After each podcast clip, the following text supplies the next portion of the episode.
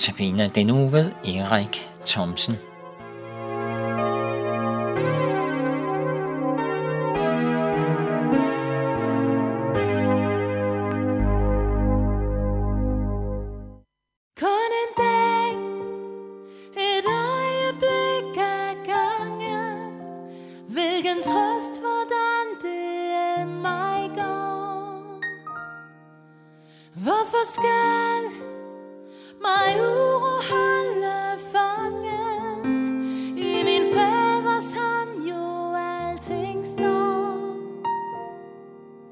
Han som har for mig en faders hjerte.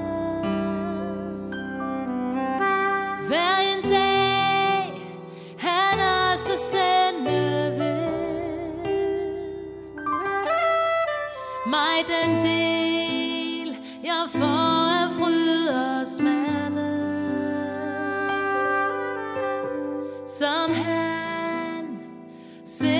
trænger til.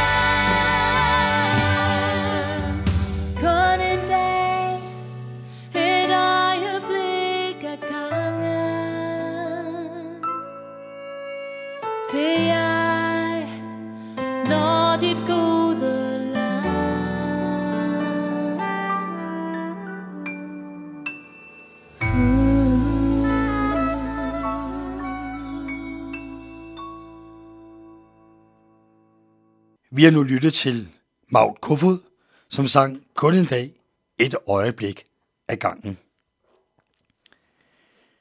Selvom jeg er lidt hæs, så håber jeg, at du vil lytte godt efter, fordi jeg har noget, jeg rigtig gerne vil sige til dig.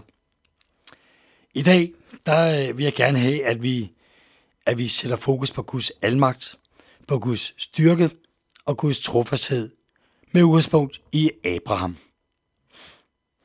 Abraham, tænker du, Nå ja, var det ikke ham som...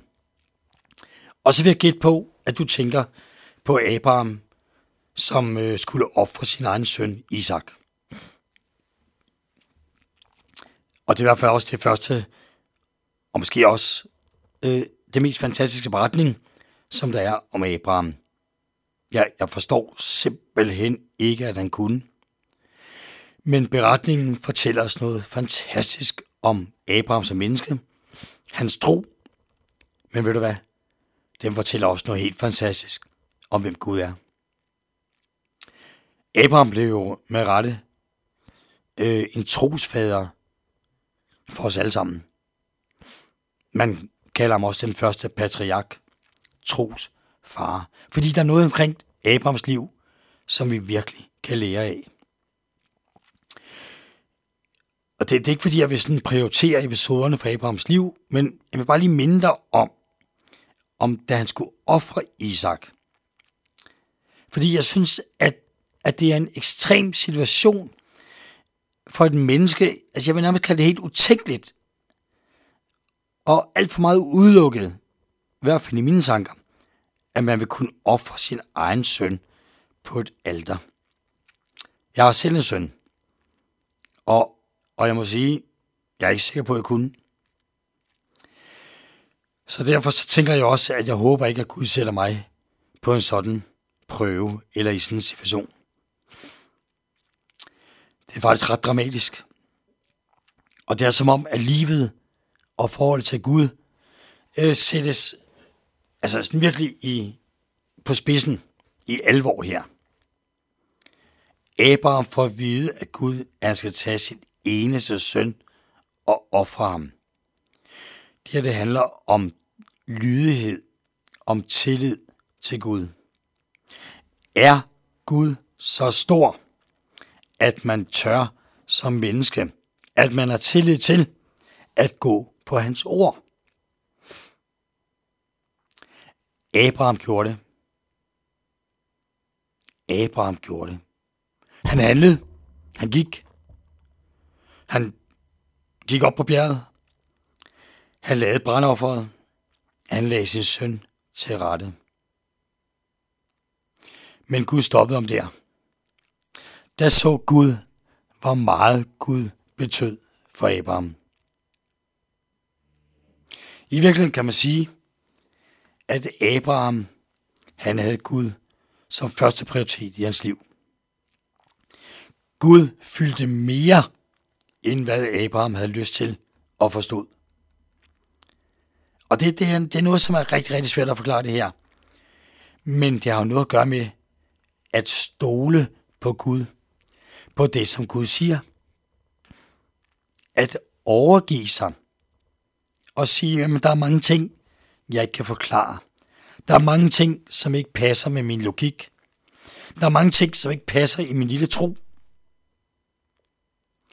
Men Gud skal nok sørge for mig. Og ved du hvad? Og det er jo derfor, beretningen er så fantastisk.